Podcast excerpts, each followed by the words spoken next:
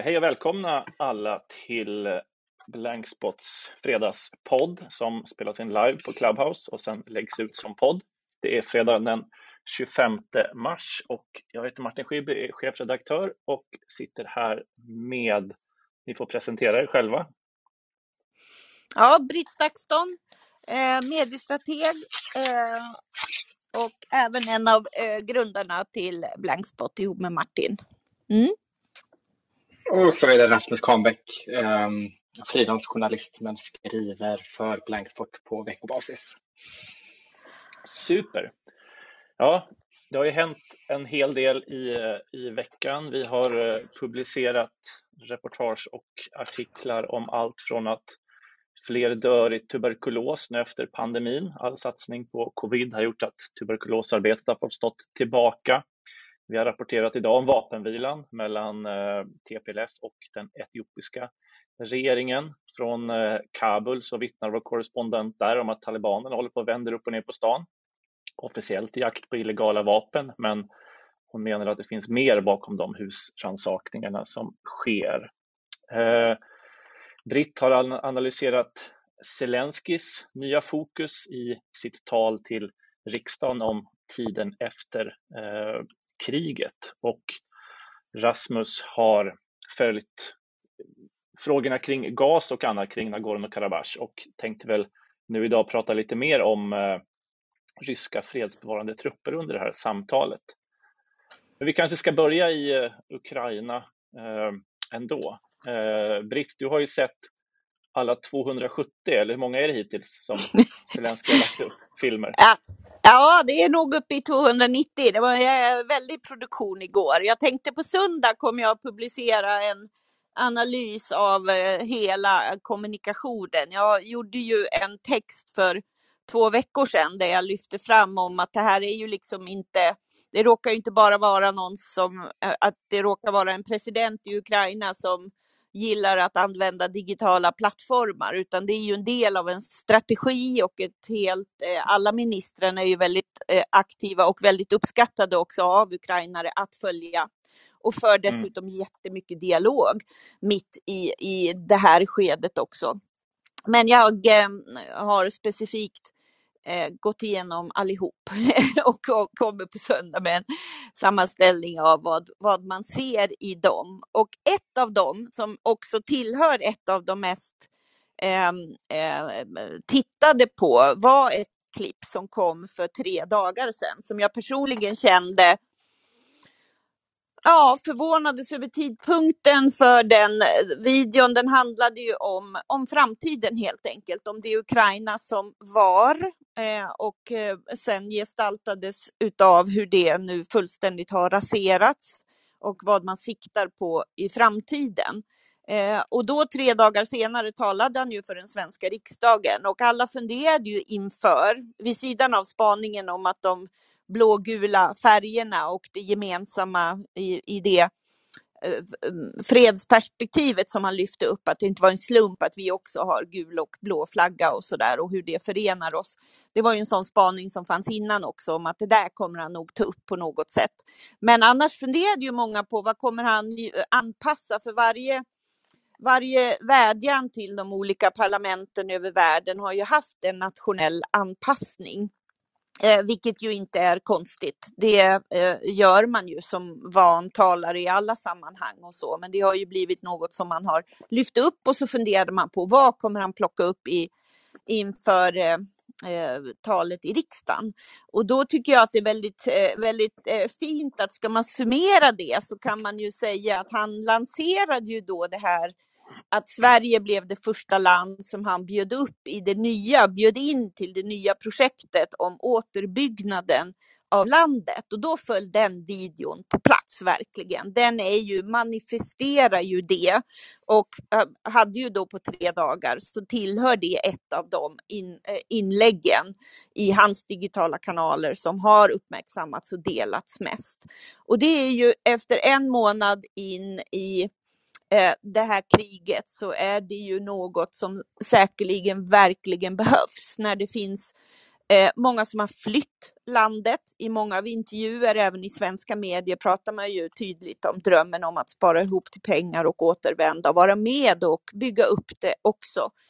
Ehm, de eh, som sitter Eh, instängda och oroade i städer som just nu är under attack. Men det är också ett stort land där inte alla regioner är direkt, direkt påverkade mm, eh, just nu. Och de kommer ju också behöva se den här framtidsbilden. Eh, och, och då bjöd han ju in Sverige till det, så man kan nästan summera det som, han pratade ju vänorter, vänbranscher och det blev väldigt, eh, bjöd in eh, svenska folket, väldigt civilsamhället, det klassiskt folkrörelsearbete, det gemensamma återuppbyggnaden, vid sidan av att han också namngav svenska arkitekter som en grupp att samverka med. Så jag tyckte det var det var ju otroligt Sverige-anpassat på ett väldigt eh, fint sätt. Eh, och eh, Eh, det är ju nödvändigt att blicka framåt helt enkelt. Så det var ju hoppfullt på, på många plan att, bli, att se den visionen. Eh, så den får man ju hoppas att eh, de, men också bjöd ju in världssamfundet att vara en del i det. Och det var ju vad han lanserade i Sverige. Mm. Mm. Intressant. Jag, jag såg en reaktion på Twitter som var att bara man inte skickar Gert Wingård, att Ukraina har lidit tillräckligt. ja. Humor, humorkontot. Nej men det är väl ändå ett, ett eh, som du säger, är det ett nytt, nytt budskap någonstans att ta fasta på tiden efter kriget. Men mm. de facto så, så, så kriget rasar ju verkligen ja. för, för fullt. Uh, mm. vad, liksom, vad, vad, vad kan det betyda att, att, att växla fokus? För det var inte, det är klart han pratade om bombade skolor och bombade BBn och så vidare, men mm. det här, den här Nej. nya inriktningen, vad, vad, kan den, liksom, vad kan den betyda för, för Ukraina i, i det pågående kriget? Nej, men, tror du? Jag tror att det betyder jättemycket att inte tappa hoppet och att se. Vi ser det ju också. Eh, vi pratade förra veckan om Niklas Orenius text om att i, mitt i ett pågående krig där han hade fått trafikböter eh, i Eh, Kiev. Vi ser många bilder på att eh, direkt efter ett, ett bombanfall så är folk ute och eh, sopar upp och eh, försöker ordna eh, lite i det kaos som råder och att då blicka framåt till att det är Ukraina som alla liksom överöses av bilder över hur krossat och nerrivet det är ska byggas upp blir väldigt, väldigt viktigt. och jag pratade igår med vår krönikör Anna som tidigare som är i Ukraina. Nu, nu har hon eh, lämnat landet så att hon har inte kunnat skriva för oss under en period. Men nu har hon tagit sig ut ur Ukraina. Ukraina. Hon var ju en del av den här eh, digitala armén som efterlystes av eh, eh den ukrainska regeringen och, och hon, eh, mm, mm, hon eh, är ett fantastiskt vittnesmål på, eh, refererar till hur alla eh, ser eh, vare, varenda video, vartenda inlägg som görs och vilken kraft man finner i det. Och nu har man liksom slutat räkna dem eller något, utan man är med i det här teamet och att man upplever att eh, det också är en, en dialog kring varenda aspekt av det som händer. Så att jag skulle också tro att det här eh, kommer ur eh, eh att, att, det som har varit symptomatiskt är ju att väldigt, det är inte hittepå liksom, utan att det, eh, det, det, skapar ju också vidare kontakter i att omvärlden kan se vad är det fortsatta projektet vid sidan av att ge pengar till vapen så att säga, utan att få blicken på framtiden även i det internationella eh, nätverket och så. Eh, utmana eh, vänortssamarbeten, fortsatta utbyten och allt det här. Mm. I din text så skriver du också om att en av de, de uh, stora tillgångarna för Zelenskyj och Ukraina nu är liksom enigheten i mm. väst, om man använder det begreppet så lite slarvigt, mm. men att det finns en sån mm. otrolig enighet nu. Om du mm. tittar liksom runt hörnet, hur, vad ser du för, för hot mot den, mot den politiska enheten och vad, vad, vad kan man tänkas få se eh, ja, i form av desinformation och annat för att, för, för att bryta, bryta ner den? Vad, vad ser du där? Ja, men det, det kommer vara det som eh, kommer, kommer hända nu. Det är ju nästan som att man kan efter fyra veckor dra slutsatsen av att det digitala kriget har ju definitivt Ukraina vunnit. Men jag tror att där ska man inte andas ut överhuvudtaget. Alltså Ryssland har otroliga resurser och muskler för att agera digitalt och sprida desinformation och propaganda. Och jag deltog igår i ett spännande seminarium som EU versus disinfo eh, genomförde. Den, huvudtematiken då handlade om eh, DSA, den, de nya eh, digitala lagstiftningarna inom EU. Eh, men en av deltagarna, eh, när jag ställde frågan om vad man hade för förväntningar på nätplattformarna, Eh, så var ju rådet då att hålla utkik efter kommande annonseringskampanjer och också väldigt starkt fokus på eh, och verifierade det som jag skrev i min text eh, om att den här splittringen som kommer vara i fokus nu.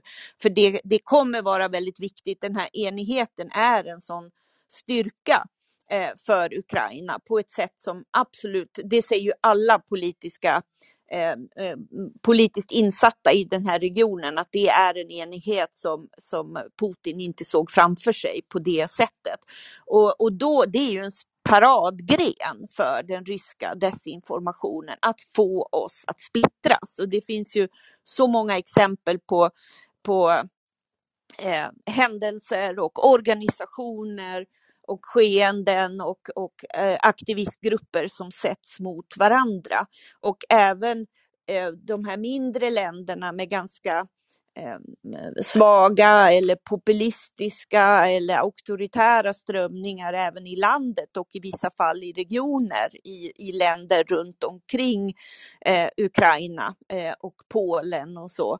Att där kommer det inte vara svårt att tända den eh, gnistan för splittring helt enkelt. Så att eh, hålla vaksamhet på alla sätt och vis var rådet från en av de panelisterna i den diskussionen och det, det stärker ju bara de analyser jag har gjort tidigare liksom, i, inom det här. Mm. Ja men spännande, vi, vi återkommer till det, jag har lite andra funderingar och frågor till dig som har följt just den här digitala kriget. Mm. Men jag tänkte Rasmus, du har ju också unika kontakter på, på bägge sidor av den här konflikten, både personer i liksom östra Ukraina och eh, ja, på, på, olika platser i landet och regionen. Vad är, vad är det senaste som, som du hör från, eh, från dem om, om, om situationen? Ja, när, vi har pratat, Nej, jag pratade med en person i eh, Cherson i södra Ukraina, en av de här delarna som har blivit ockuperat av Ryssland nu, ehm, som berättade att folk är otroligt ehm, uppgivna, arga. Eh, de, ehm, de försöker ta till eh, gatorna men, men ryska soldaterna skjuter i luften. Och eh, det har varit lite otydligt om de faktiskt har siktat direkt mot, eh, mot, eh, mot de som demonstrerar också. Ehm, så det, det, är väldigt, det är väldigt oroligt och människor i Skärson, man går inte till jobben, man är orolig för sin inkomst. Man, arbetsgivarna kan inte betala ut pengar för de vet inte vem, vad, som kommer hända med, det, med deras arbetskontrakt och så vidare. Ehm, och det är, en ganska, det, det, är ganska spännande insyn i att, äh, att ha kontakt med någon som är precis där man precis har blivit ockuperad så att säga. Eh, mm. Vilka känslor som finns där. Mm. Eh, så, det är en, eh, så att den personen försöker jag ha en del kontakt med men internet går upp och ner en hel del. Mm. Jag pratade med en, med en ryss igår, jag ska till Georgien nästa vecka ska jag säga på en, eh, på reportageresa. Eh, och eh, en, ett av de reportage jag kollar på är att prata med ryssar som har flyttat till Georgien för att komma ifrån komma ifrån Ryssland helt enkelt. Och han berättade att han, dagen som kriget bröt ut så, så bestämde han sig för att nej, jag, kan inte bo kvar i Ryssland. Jag, jag måste sticka härifrån. Jag vill inte betala skatter till den ryska staten helt enkelt. Jag vill inte bidra till kriget. Mm. Så att eh, han bestämde sig för att flytta till, till Georgien ganska snabbt. Eh, och eh, hans bolag som då är ett dotterbolag till ett schweiziskt bolag blev upphörde att existera och det schweiziska bolaget gick in och sa till de anställda att om ni flyttar ifrån Ryssland så kommer vi anställa er direkt hos oss istället. Vilket också är en ganska spännande ett spännande perspektiv på det hela. Mm. Um, om vi kollar på den kontakten som jag har kontakt med i Donetsk uh, så uh, det, det, är ju det är inte så himla mycket nytt från förra veckan utan, utan det, det, finns liksom en spänning där. Att man, man, man, väntar, man väntar spänt för de vet inte riktigt själva vad som, vad som väntar när de kommer till de här byarna som de tar över. Mm. Och, och, och, det är väl ganska tydligt att de ändå flyttar fram sina, sina positioner men det har inte gått så snabbt som de själva hade förväntat heller. Så det finns liksom en frustration i, i den lokala separatistregeringen också. Mm. Um, och uh, och de, deras målsättning är väl egentligen att ta, att ta över Mariupol. De tycker att Mariupol är en del av Donetsk, men även den personen som jag har pratat med har börjat lite vackla i den här frågan. För att tidigare, i början av kriget, när jag pratade med honom, så sa han att okay, men nu ska vi, det, det är viktigt att vi eh, får in Mariupol och de kommer bli så glada när vi tar över dem i princip. Väldigt mm. förenklat. Eh, men, men den här vacklingen i att ja, men vad är egentligen syftet med det? Mm. Eh, vad, vad händer egentligen? Vill, vill, är det verkligen så att de vill, om, om man bombar sönder och samman en stad, kommer det verkligen bli bra där? Eller kommer det verkligen bli, bra det här om vi tar över Mariupol? Men det är också den här biten, den här delen utav att eh, narrativet är att, är att de tycker att det är Ukrainas fel, att de fortsätter försvara en stad som inte vill tillhöra Ukraina. Eh, och, så det, det, finns liksom en förvirring. Jag tror inte riktigt de, de har, um, han jag pratar med vet riktigt hur han ska orientera sig i det hela. Mm. Uh, så att det, det, är väl lite olika perspektiv utav de som jag pratar med just nu, uh, helt enkelt. Ja, men spännande och unika inblickar verkligen. Jag tänker du, om man, om man zoomar ut från, från Ukraina och ser till, till regionen så är det, det här är ju inte en konflikt som började nu och, och, kanske inte ens 2014 utan, utan tidigare än så. Men mm. du har ju tittat mycket, du håller på att skriva en bok nu som du precis är, är klar med om, om Nagorno-Karabach och mm. eh, varit, varit mycket i, i regionen. Det finns ju en aspekt av liksom Rysslands agerande här och det är att man på många platser har liksom fredsbevarande trupp eller vad man själva kallar mm. fredsbevarande mm. trupp. Eh, mm. Och det är kanske något man, man kommer få se i, i, liksom, ja, i Ukraina framöver också, att, att man väljer att kalla det det. Men skulle du kunna liksom, förklara hur Ryssland tänker kring, kring det här användandet av, av fredsbevarande trupp och vad, för det är ett begrepp som man luras av. När man hör det så tänker man att ja, men det här är FNs blå hjälmar som, som kommer. Ja, uh, men det är det också till en viss del. Ja, och det är det också till en viss del, uh, precis. Att det inte är svartvitt ja. heller. Uh, ja.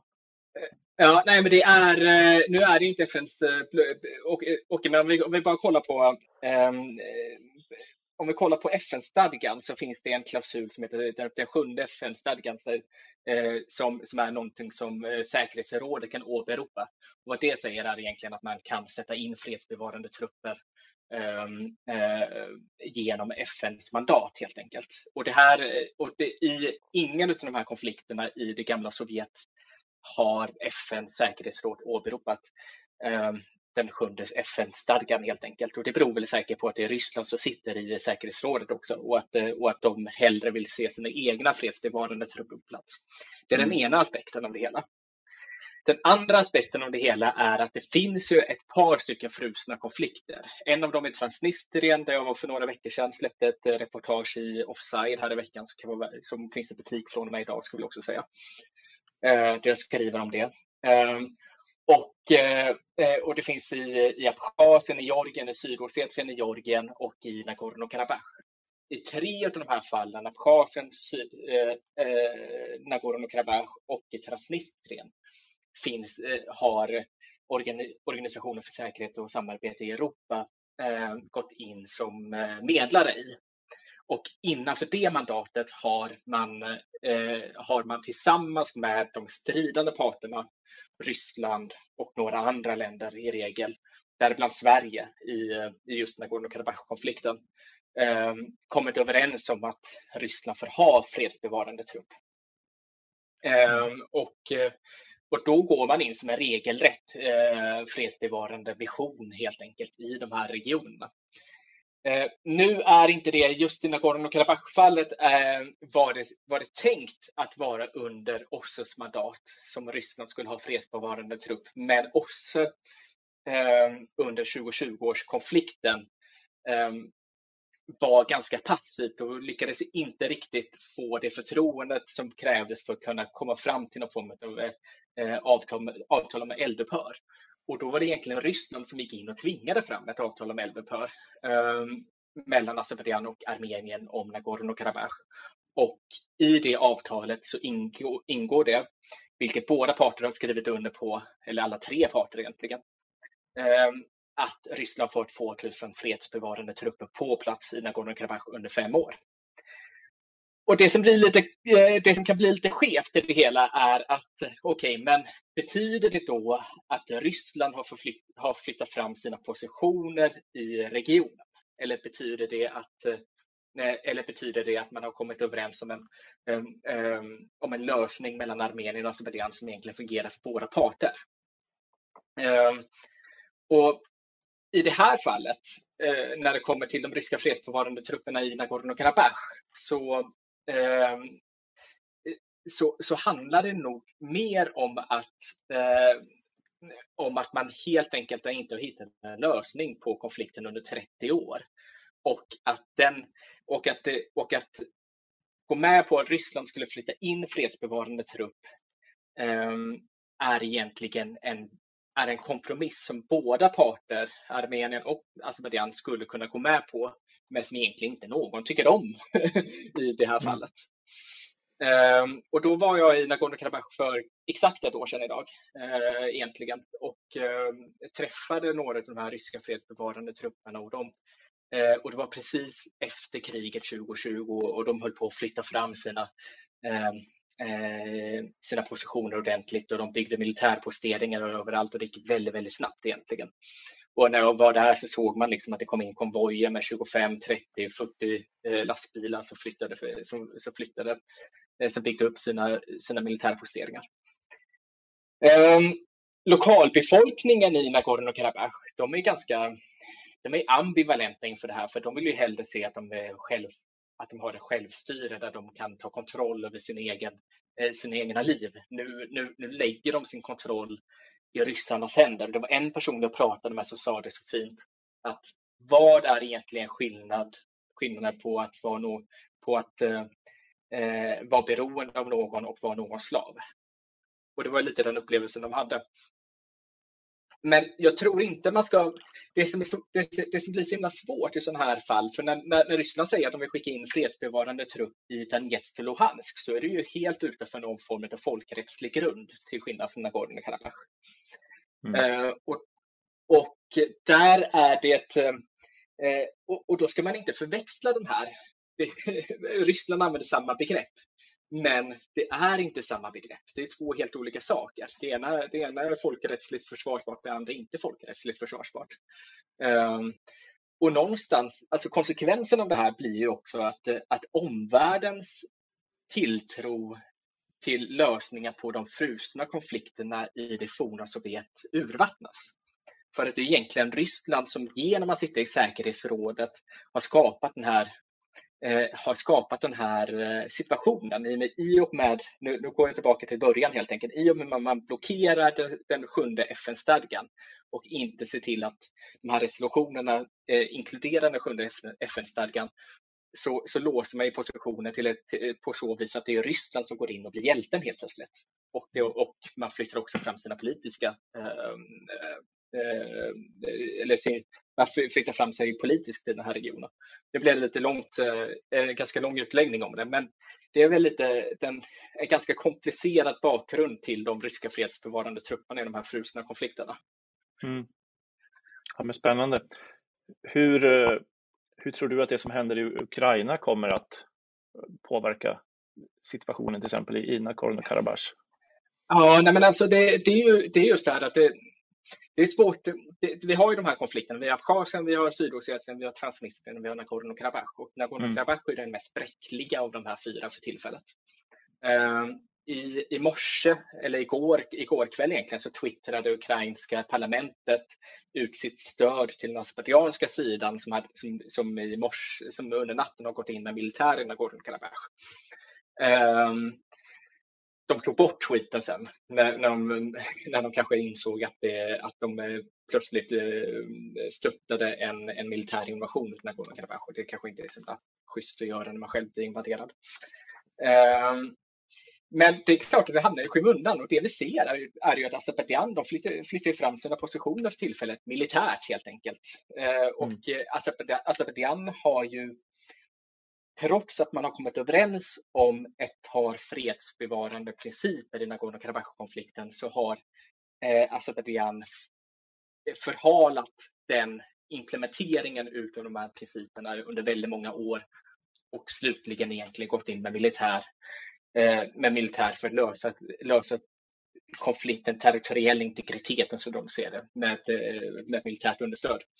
Mm. Um, och när, när världens fokus ligger på Ukraina, det är klart att, att det också i längden gör att Azerbajdzjan får ett större utrymme att, eh, att, agera, ehm, att agera militärt.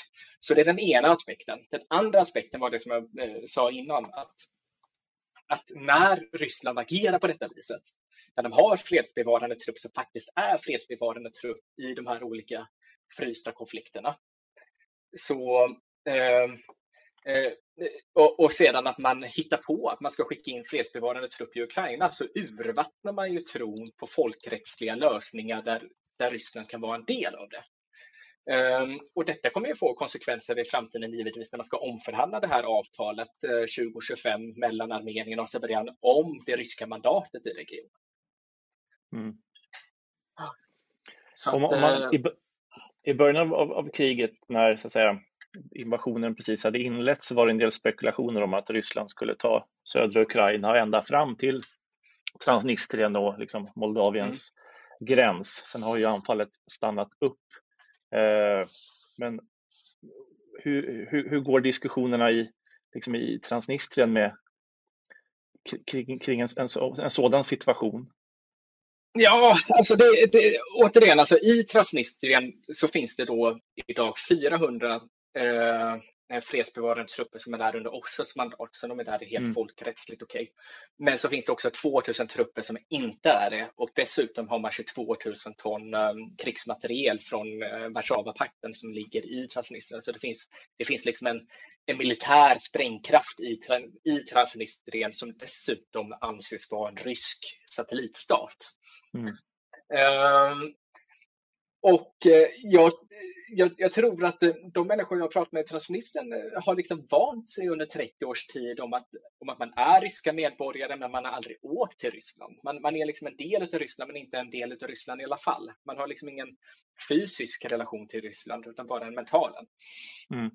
Uh, och, uh, och, och de flesta människor de vill ju bara ha fred. Alltså de, de flesta människor vill leva, de, de vill ju bli, de, de vill liksom eh, i Nagorno-Karabach och så vidare, de vill bli erkända som en självständig stat.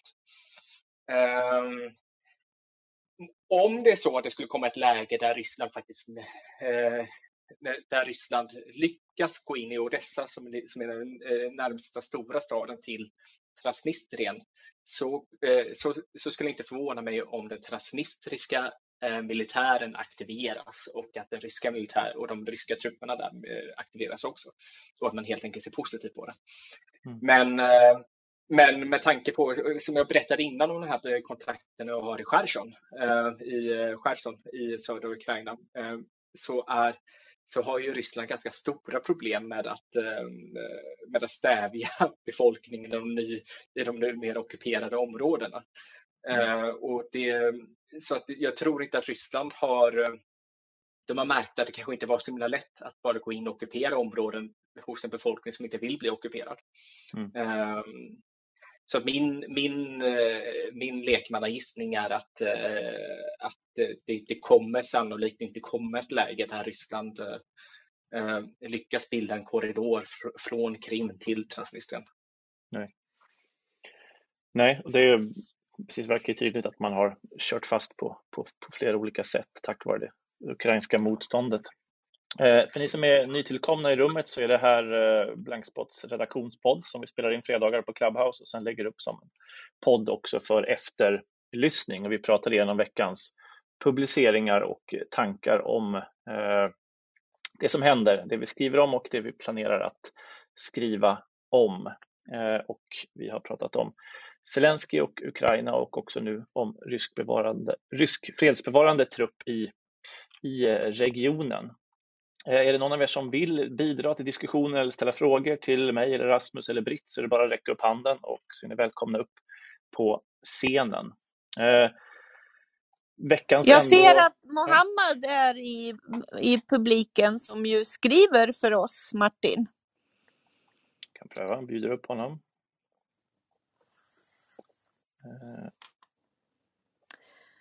Skriver ju dagbok regelbundet sedan över ett år på efter eh, utvisning från Sverige och en längre tid i Afghanistan och nu i Turkiet. Precis. Ja, vi får se om ja. han kommer upp på scenen här. Eh, I den senaste dagboken var en fantastiskt fin text om hur ved från rivna hus gör att han inte har frusit i, i vinter. Men vi får se, det kan, om uppkopplingen fungerar. Det kan vara svårt, precis. Ja. ja. En nyhet från Afghanistan som inte vi har skrivit om än, men som ju har synts mycket i media, det är ju ytterligare ett exempel på hur flickor i Afghanistan blir hemskickade från, från skolan. Mm. Eh, eh, som ju har varit i, i, i veckan och det stärker väl också de tidigare inläggen som vår anonyma korrespondent har vittnat om eh, för skolsituationen, eller hur Martin? Ja, hon skrev en artikel när man gick ut med att universiteten skulle öppna igen. Eh, och eh, nej men verkligen, eh, det var ett, ett stort tillbakasteg från vad talibanerna hade, hade lovat när flickorna skickades hem från, från skolan.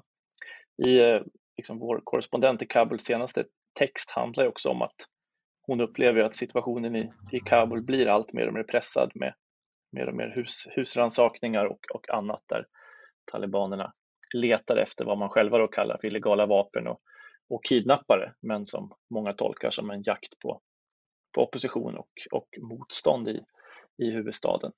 Mm. Eh, så att den, senaste texten av henne finns, finns att läsa. Du kan väl äh, lägga upp? Jag lägger den, äh, precis. Ja. Jag lägger den som även, en länk här. Ja. Mm. Yes.